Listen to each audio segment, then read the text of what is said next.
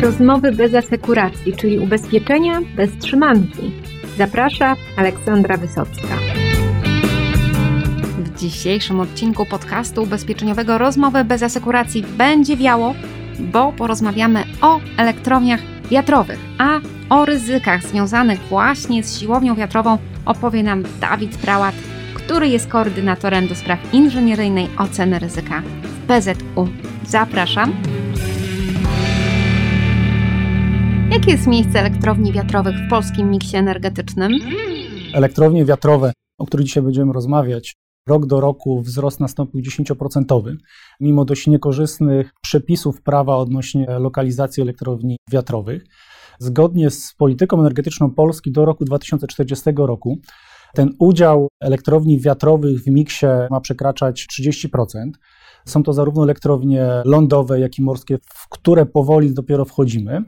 Jeżeli chodzi o same elektrownie wiatrowe, to mimo dość dużego ich udziału mocowego, generacja energii przez nie no niestety nie jest na dość wysokim poziomie w stosunku do mocy zainstalowanej. Pomówmy o przepisach dotyczących budowy elektrowni wiatrowych w Polsce. Jak to wygląda? Co trzeba koniecznie wiedzieć? Podstawową kwestią związaną z wykonaniem siłowni wiatrowych, elektrowni wiatrowej jest przede wszystkim uzyskanie warunków przyłączeniowych. Takie warunki w naszym systemie prawnym wydaje operator sieci elektroenergetycznym, którym w Polsce jest PSE Operator. Kwestie związane z lokalizacją siłowni wiatrowych od 2016 roku regulowane są ustawą o odnawialnych źródłach energii, która troszeczkę nam namieszała w inwestycjach, zwłaszcza w zakresie odległościowej siłowni wiatrowej. Jeżeli chodzi o samą inwestycję, to tak naprawdę mamy możliwość wykonania siłowni wiatrowych w trzech układach gdzie mamy elektrownie związane na stałe z gruntem, czyli to te, które jeżdżąc po kraju czy po świecie widzimy wystające na wieżach, gdzie wymagane jest pozwolenie na budowę. Możemy mieć elektrownie nietrwale związane z gruntem. Wieża nie posiada fundamentów, są na odciągach stalowych, kotwione, możliwość jest ich przenoszenia, zmieniania lokalizacji i tam nie jest wymagane pozwolenie na budowę, wystarczy samo zgłoszenie inwestycji. No i trzecim rodzajem który tak naprawdę w Polsce jest rzadko widziany, to są siłownie wiatrowe montowane na dachach, gdzie nie potrzebujemy tak naprawdę żadnych pozwoleń, pod warunkiem, że siłownia wiatrowa, wiatr e, nie przekracza wysokość jego 3 metrów ponad wysokość budynku, tak samo jak na gruncie też nie przekracza 3 metrów. Jeżeli chodzi o samą inwestycję, kroki, jakie trzeba wykonać, to jest przede wszystkim przygotowanie stadium wykonalności, w zawarcie umowy dzierżawy terenu na którym ma być postawiona siłownia. No chyba, że dana instytucja posiada swoje grunty, no to stawia na swoich gruntach. Należy opracować studium oddziaływania na środowisko naturalne. Niestety siłownie wiatrowe oddziaływują na różnych etapach dość istotnie na środowisko. Przede wszystkim trzeba wykonać pomiar siły wiatru, bo nie w każdych warunkach, nie w każdym miejscu siłownia wiatrowa będzie spełniać swoją funkcję generacji energii elektrycznej. Kolejnym etapem tak naprawdę jest uzyskanie pozwolenia na budowę, no i rozpoczęcie samego etapu budowy. Czy elektrownię wiatrową można postawić w dowolnym miejscu w Polsce, czy jednak w jednych rejonach wieje lepiej, w innych gorzej? Tak naprawdę Polska mimo wszystko nie jest dość dobrym krajem, jeżeli chodzi o wieczność. Nie na terenie całej Polski wiatr ma wystarczającą użyteczność, żeby można było lokować te siłownie, zgodnie z funkcjonującymi mapami wietrzności, czy też użyteczności wiatru, tak naprawdę tych rejonów jest bardzo niewiele. Mówimy o rejonach górskich, gdzie no, w naszym systemie środowiskowym ciężko jest tam cokolwiek budować, jeżeli chodzi o farmy wiatrowe. Centralna Polska, rejon Wielkopolski, Łódzkiego, Mazowsza jest takim obszarem, gdzie faktycznie mogą być dość silne wiatry i dość duża użyteczność. No i cała strefa północna Pomorza, tam faktycznie jest to technicznie opłacalne. Jeżeli chodzi o tak naprawdę o Polskę, to średnia prędkość wiatru też nie jest dość wysoka. Mimo wszystko wydaje nam się, że te wiatry dość silnie wieją i można produkować. Tak naprawdę siłownie wiatrowe muszą pracować w konkretnych warunkach prędkości. Dane statystyczne zebrane z wielu lat, od lat 70. wskazują, że ta średnia prędkość wiatru w Polsce wcale nie jest wysoka. Jest to w granicach 3-4 metrów na sekundę. Owszem, mamy generację wyższe prędkości, no ale dane statystyczne pokazują, że tak nie do końca jest to w całej Polsce opłacalne. A jak to wygląda w innych krajach? Jaka jest najwyższa elektrownia wiatrowa na świecie? Najwyższa wieża, jaka na dzień dzisiejszy została wybudowana, siłownia wiatrowa, to jest 16-megawatowa siłownia, oczywiście w Chinach, które się dość ambitnie rozwijają. Mamy wieżę o wysokości 240 metrów, do której mamy łopatę o długości 120 metrów. Więc jest to potężny obiekt, który faktycznie w naszych warunkach w myśl przepisów nie miałby prawa istnieć. A jaki jest wpływ budowy elektrowni wiatrowej na środowisko naturalne? Jeżeli chodzi o ten istotny wpływ, to dość duży wpływ jest na etapie budowy, gdzie trzeba zapewnić drogi dojazdowe tymczasowe. Niejednokrotnie te siłownie wiatrowe budowane są gdzieś na polach, na których nie ma dróg stałych, więc trzeba wykonać drogi o właściwym utwardzeniu, o właściwej odporności. Istotne jest wykonanie samej płyty fundamentowej, jak również miejsca posadowienia dla dźwigu. Siłownie wiatrowe projektowane są pod żywotność 20-25 lat. Po tym czasie trzeba coś z nią zrobić. Więc pojawia nam się dość istotny problem związany z utylizacją jej elementów. W stosunku do samej wieży, czy wyposażenia tego mechanicznego siłowni, no to nie ma problemu, są to elementy stalowe, gdzie z tą stal można w jakiś sposób odzyskać. Problematycznym stają się łopaty, jak i sama gondola, gdzie mamy bardzo dużo tworzywa sztucznego, którego się nie da przetworzyć. Wprawdzie producenci już powoli zaczynają wprowadzać systemy recyklingu, ale tak naprawdę słyszymy o tym od 3-4 lat, że to będzie tyczyło się nowych siłowni, nowego sposobu wykonania tych elementów z tworzyw sztucznych. Jakiego rodzaju elektrownie wiatrowe spotykamy najczęściej? Na rynku możemy mieć do czynienia z różnymi rodzajami. W zależności od osi obrotu mogą być to siłownie o pionowej osi obrotu, które są bardzo rzadko spotykane, ewentualnie są przy gdzieś tych małych aplikacjach na budynkach. Te najbardziej popularne, te, które najczęściej widzimy, to są siłownie o pionowej osi obrotu. Z tym, że te siłownie też mogą się dzielić na dwa rodzaje, gdzie mamy wirnik ustawiony w kierunku wiatru od strony nawiecznej, jak i od strony zawiecznej z drugiej strony. Najpopularniejsze są te od strony nawiecznej, gdzie wirnik ustawia się w kierunku wiatru. Nie zawsze mamy do czynienia siłowniami z trzema łopatami, tak jak nam to się wydaje, widzimy. Mogą być mniej popularne siłownie o jednym płacie obrotu, o dwóch płatach albo wielopłatowych. Badania wykazują, że najbardziej wydajne są te trójpłatowe, dlatego one są najczęściej stosowane. Kolejny podział, jeżeli chodzi o siłownie wiatrowe, to jest podział tak naprawdę na siłownie te onshore, na lądzie i offshore, siłownie morskie, w które Polska powoli będzie wchodziła. Mamy spory potencjał na Bałtyku, żeby takie siłownie wiatrowe w naszej strefie instalować. Tak naprawdę w samej budowie siłownie, czy to morskie, czy wiatrowe w całym układzie elektroenergetycznym, niewiele się między sobą różni. Tak naprawdę mamy posadowione wiatraki, z których zasilanie doprowadzone jest do rozdzielnic, a następnie wyprowadzone do sieci elektroenergetycznej. W przypadku siłowni morskich ta różnica jest taka, że tam wyprowadzone są przewodami prąd stały jest wyprowadzony. W przypadku siłowni lądowych jest to prąd przemienny. Podstawowe elementy każdej siłowni wiatrowej można tak naprawdę podzielić na pięć części. Tym głównym elementem, na którym siłownia jest posadowiona, to jest fundament. Następnie mamy wieżę, na której posadowiona jest gondola wraz z generatorem.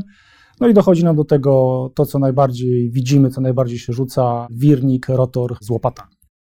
Czy polskie prawo reguluje zasady bezpieczeństwa pożarowego elektrowni wiatrowych? Polski system prawny niestety nie reguluje tego zagadnienia, nie wskazuje obszarów w siłowniach odnoszących się do siłowni wiatrowych, gdzie mają być jakie zabezpieczenia, żeby to było bezpieczne pod kątem bezpieczeństwa pożarowego. W takich wypadkach, e, gdzie nie mamy tych regulacji, powinniśmy się kierować standardami wytycznymi, dobrymi praktykami, które obowiązują gdzieś czy funkcjonują na rynku. Dość ciekawym rozwiązaniem jest standard VDS-owski, który pokazuje poziom ochrony siłowni wiatrowej w zależności od zastosowanych systemów. W tym standardzie on już jest wprowadzony kilka lat temu, więc on już jest dokumentem, który dłuższy czas już funkcjonuje. W przypadku samego systemu detekcji pożaru, jeżeli mamy w siłowni wiatrowej, to według tego standardu jest to poziom ochrony zerowy. Więc według tych wytycznych, według tych dobrych praktyk, mimo wszystko detekcja pożaru no tak naprawdę musi być. Producenci powoli przy tych nowych siłowniach wiatrowych już sami wprowadzają swoje systemy detekcji pożaru. Z reguły jest to warunkowane mocą danej siłowni ten system może być w gondoli, znaczy z reguły w gondoli jest, ale może być też również w wieży czy na poszczególnych poziomach wieży. Z reguły są to systemy spięte z układem sterowania siłowni wiatrowej. W momencie zadziałania detekcji siłownia wiatrowa ma się zatrzymać i odstawić do warunków bezpiecznych.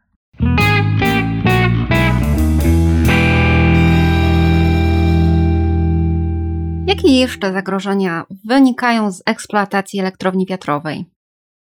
Dość istotnym zagrożeniem, które może mieć odzwierciedlenie w szkodach z tytułu odpowiedzialności cywilnej, jest zagrożenie dla fauny, dla wszelkiego rodzaju migrujących ptaków, jak również zagrożenie dla ludzi. Istotny wpływ jest zarówno hałasu, czy do tego słyszalnego, czy infradźwięków. To takie zacienienia optyczne też mogą wpływać na odczuwanie ludzkie i na rozwój jakichś sytuacji chorobowych, czy tego rodzaju zdarzeń. Istotne są też wpływ siłowni wiatrowych na wypadki przy pracy. Chcąc, nie chcąc, wszelkie prace serwisowe prowadzone są na wysokości. Więc wszelkie rodzaju dopuszczenia do pracy powinny być z zastosowaniem właściwego sprzętu ratowniczego, czy też właściwych środków ochrony indywidualnej, jak wszelkie bezpieczeństwa, które powinny być regularnie przeglądane, badane. Niestety ja już w swojej historii analizowania, audytowania siłowni wiatrowych spotkałem się ze sytuacją, gdzie mieliśmy się dostać na gondolę i dostaliśmy wszelkie, które były przeglądane 3 lata wcześniej. Więc tak naprawdę dość istotny wpływ i w sytuacji, gdyby doszło do zdarzenia niepożądanego, no mogła być dość istotne roszczenie odszkodowawcze. Dość istotny wpływ na ekosystem jest związany z oddziaływaniem na ptactwo. Z reguły jest to ptactwo migrujące, które niestety potrafi wlecieć, zderzyć się z łopatą. Zgodnie z danymi statystycznymi ze Stanów Zjednoczonych, z powodu kolizji z siłowniami wiatrowymi rocznie ginie w granicach 600 tysięcy ptaków. Przy prawie 70 tysiącach pracujących siłowni wiatrowych jest to dość duża ilość. A tak przechodząc już do takich ściśle ubezpieczeniowych tematów, to czy elektrownie wiatrowe są mocno szkodowe? Jak to wygląda? Szkód tak naprawdę w siłowniach wiatrowych można powiedzieć, że relatywnie jest niewiele. Biorąc pod uwagę ilość obiektów, te szkody zdarzają się relatywnie rzadko. Niestety, jeżeli dochodzi już do zdarzeń szkodowych, no to mamy z reguły sytuację zero-jedynkową, gdzie mamy szkodę tak naprawdę całkowitą siłowni wiatrowych. Dane statystyczne tak naprawdę nie ma jakiejś takiej globalnej bazy, która by zbierała oficjalne dane statystyczne. Bardzo fajnie można się posługiwać jednym z forów szkockich, gdzie zbierają dane już sprzed 90 bodajże 7 roku. Zdarzeń, które były medialne, które gdzieś tam się pojawiły. Tak naprawdę szkody, mamy o nich wiedzę, jak one są medialne. 90% szkód nie jest medialnych, nie ma o nich informacji, albo ta informacja gdzieś się zamyka w jakimś takim bardzo okrojonym gronie i nie mamy, nie ma dalszej informacji, że coś się takiego wydarzyło. Biorąc pod uwagę dość dużą ilość siłowni wiatrowych pracujących na świecie, tak jak wspomniałem, tych zdarzeń jest relatywnie niewiele. W 2020 roku tych zdarzeń było niewiele powyżej 150. W zeszłym roku do września, bo tylko takie dane były zraportowane na dzień dzisiejszy, tych szkód było niecałe 120. Więc mimo wszystko tych zdarzeń jest niewiele, z tym, że w tych szkodach mamy również uwzględnione zdarzenia typu uszkodzenia w transporcie, które na całkowitą szkodę mają niewielki wpływ, no ale wpływają na czas realizacji gdzieś tam na tego typu elementy. Te główne szkody, uszkodzenia, zdarzenia to są związane z pożarami, z uszkodzeniami łopat, czy też uszkodzeniami związanymi z władowaniami atmosferycznymi. Istotnym zagrożeniem, czy też istotną przyczyną szkód są wady fabryczne. Zdarzają się, mogłoby się wydawać, że ta technologia jest na tyle już opracowana, na tyle jest objęta kontrolą na etapie produkcji, bo nie ukłamujmy się, te wszystkie elementy konstrukcyjne, zwłaszcza łopaty, są kontrolowane jakościowo, są dopuszczane, są kontrolowane również przez laboratoria zewnętrzne, to niestety zdarzają się szkody z tym związane. Mamy przykład dwóch szkód łopat u dwóch różnych producentów siłowni wiatrowych i są tutaj zdiagnozowane szkody, ewidentnie szkody fabryczne, no bo przy uszkodzeniu łopaty zmienia nam się wyważenie wirnika, no i mogą gdzieś tam być pośrednio szkody w układach mechanicznych. E, jeżeli chodzi o wady fabryczne, dość nietypowe zdarzenie szkodowe, gdzie doszło do złożenia się wieży. Na skutek nieprawidłowego wykonania elementów stalowych, no wieża złożyła się w pół, doszło do całego złamania i uszkodzenia, no, no szkoda całkowita. I też to nie jest siłownia, która była eksploatowana, jest to, to był nowy obiekt, który naprawdę wchodził na rynek do etapu eksploatacji. Dość ciekawym zdarzeniem a zwłaszcza wizualnie, jeżeli dochodzi do szkód poza pożarem, który też jest dość ciekawy wizualnie, jest tak zwane zjawisko overspeedu.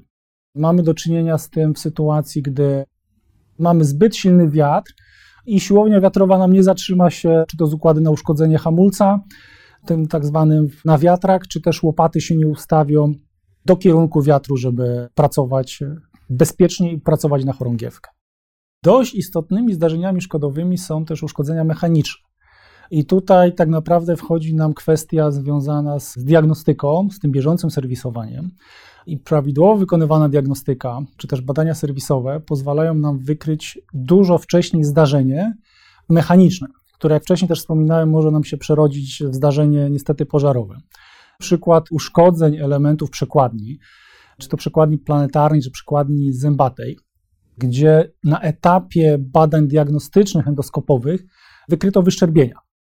Podjęto z automatu decyzję o zatrzymaniu obiektu, wykonaniu przeglądu fizycznego już z otwarciem przekładni i wymianą tych elementów.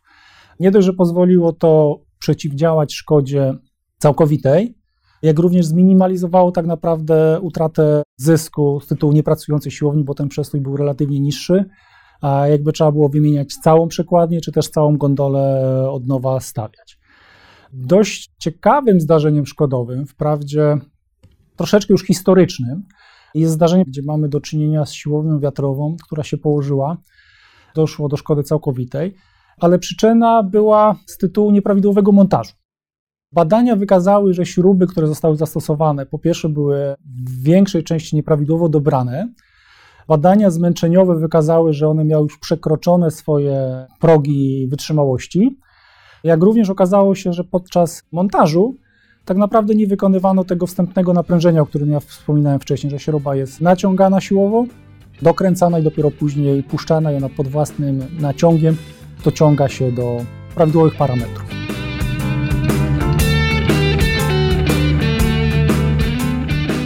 Odnawialne źródła energii to nowe możliwości, ale też nowe ryzyka, dlatego bardzo serdecznie zapraszam do wysłuchania również innych odcinków podcastu, które dotyczą właśnie OZE, bo jest co ubezpieczać i można się spodziewać, że będzie tego typu instalacji coraz więcej w naszym polskim krajobrazie. A ja dziękuję i do usłyszenia w kolejnych odcinkach podcastu ubezpieczeniowego Rozmowy bez asekuracji.